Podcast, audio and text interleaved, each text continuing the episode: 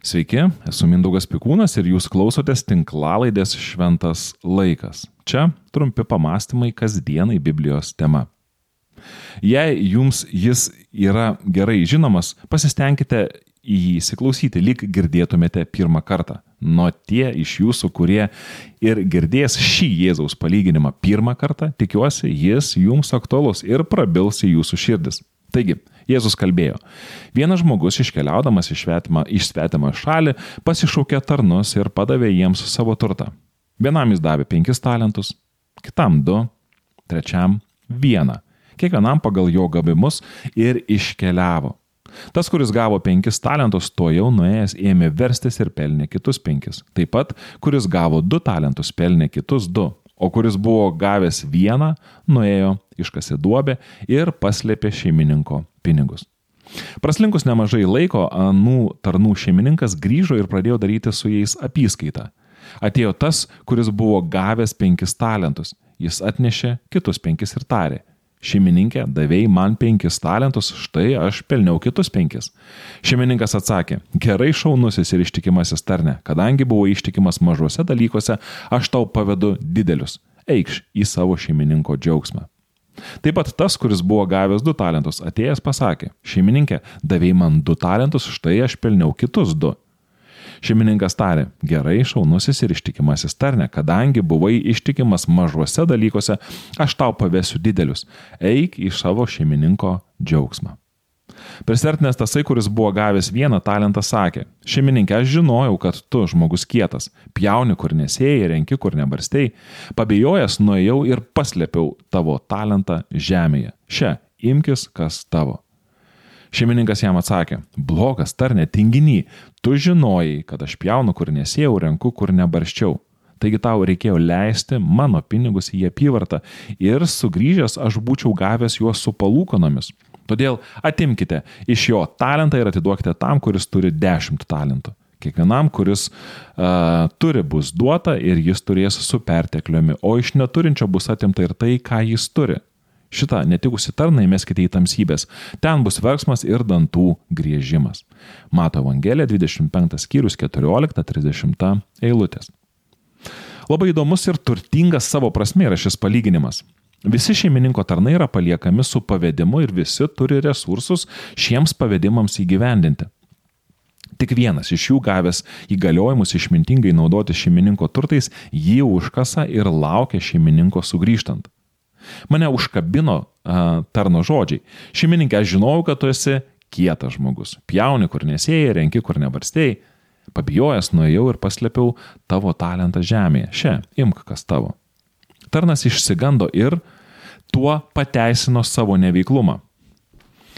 Baimė yra stipri emocija, tačiau ne dažnai susimastome, jog ši emocija yra gana lokali. Turiu omenyje, tai, kas vienam žmogui gali kelti baimę, kitam visą tai gali nesukelti jokių emocijų. Tartutinėme tyrimė, kurį atliko Nacionalinis ekonominių tyrimų biuras ir kurio ataskaita pavadinimu Baimės geografija pateikė politikos mokslų daktaras Danielas Treismanas, yra teigiama, kad baimė turi savo pašto indeksą. Pavyzdžiui, Portugalijoje, lyginant su Olandija, dviem trečdaliais daugiau žmonių nerimauja dėl atominio karo ar rimtų medikų klaidų. Arba daugiau nei 80 procentų graikų nerimauja dėl ginklų, genetiškai modifikuotų maisto produktų ar naujų virusų. Tuo tarpu dėl to nerimauja maždaug mažiau nei 50 procentų Suomijos gyventojų.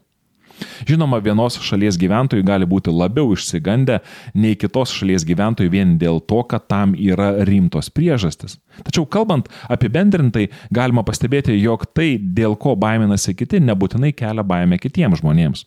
Kalifornijos Čapmano universiteto atliktame tyrimė apie didžiausias amerikiečių baimės šešis metus iš eilės 80 procentų amerikiečių baiminasi korumpuotų valstybės tarnautojų.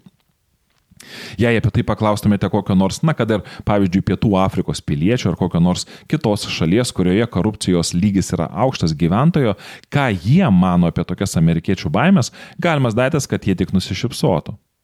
Amerikiečių demokratinė sistema su savo saugikliais turėtų kelti e, mažiausiai baimių, tačiau amerikiečiai dėl to baiminasi labiausiai.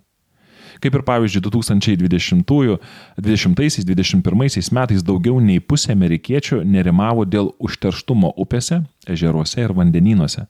Kai faktas yra tas, kad išsivyščiusių šalių gyventojai labiau nerimauja dėl aplinkos, kurioje gyvena, nei tie, kurie turi mažiau gyvenimo patogumų. Bet šiandien mes kalbame apie baimės, kurios yra lokalios. Tai, kas vienam yra nerima keliantis dalykas, kitam gali atrodyti juokinga ar net nerimta. Ir vis tik tai yra baimė. Ji gali būti pagrįsta ar ne, tačiau tai baimė. Brandolinio karo grėsmė gali būti labai reali arba visiškai nepagrįsta, tačiau ją jaučiantiems ji yra reali. Ir čia mes ateiname prie procentų, kurie, e, proceso, atsiprašau, kurie vyksta mūsų galvoje. Pamenate Jėzaus palyginimą, kuriame yra minimas vienas tarnas, kuriam šeimininkas davė vieną uh, talentą su viltimi, kad jis jį įdarbins ir juo uždirbs kitą talentą. Tačiau tas tarnas pabijojo ir tą talentą užkasė, tikėdamasis, kad jį išsaugos ir atiduos tiek, kiek buvo gavęs. Baimė tarnui neleido naudoti šeimininko turtą ir jį dauginti. Galima įsivaizduoti, kad tarnui ta baimė buvo labai reali.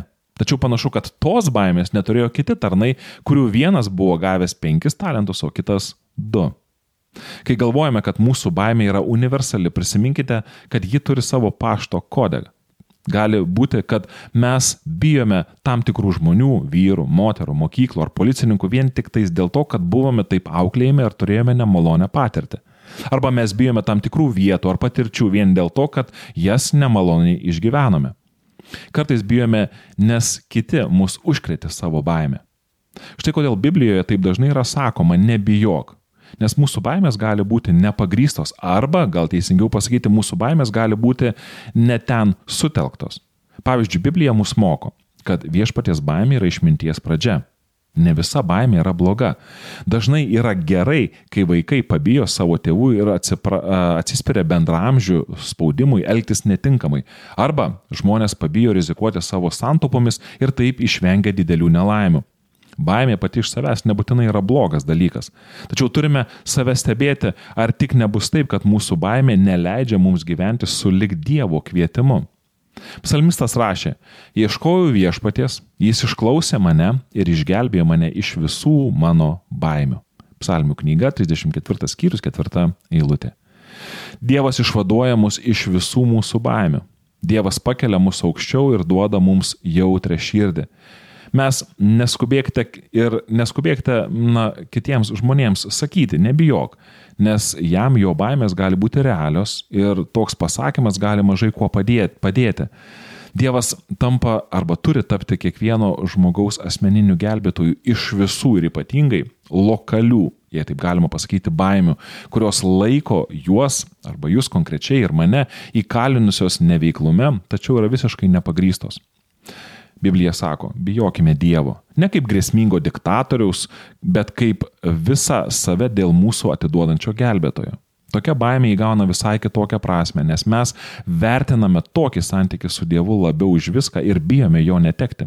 O kitos baimės Jos labai priklauso nuo konteksto, kuriame augome ir kuriame esame. Neleiskime, kad tokios baimės mus apribotų, darytų įtaką mūsų dabarčiai ir nulemtų mūsų ateitį.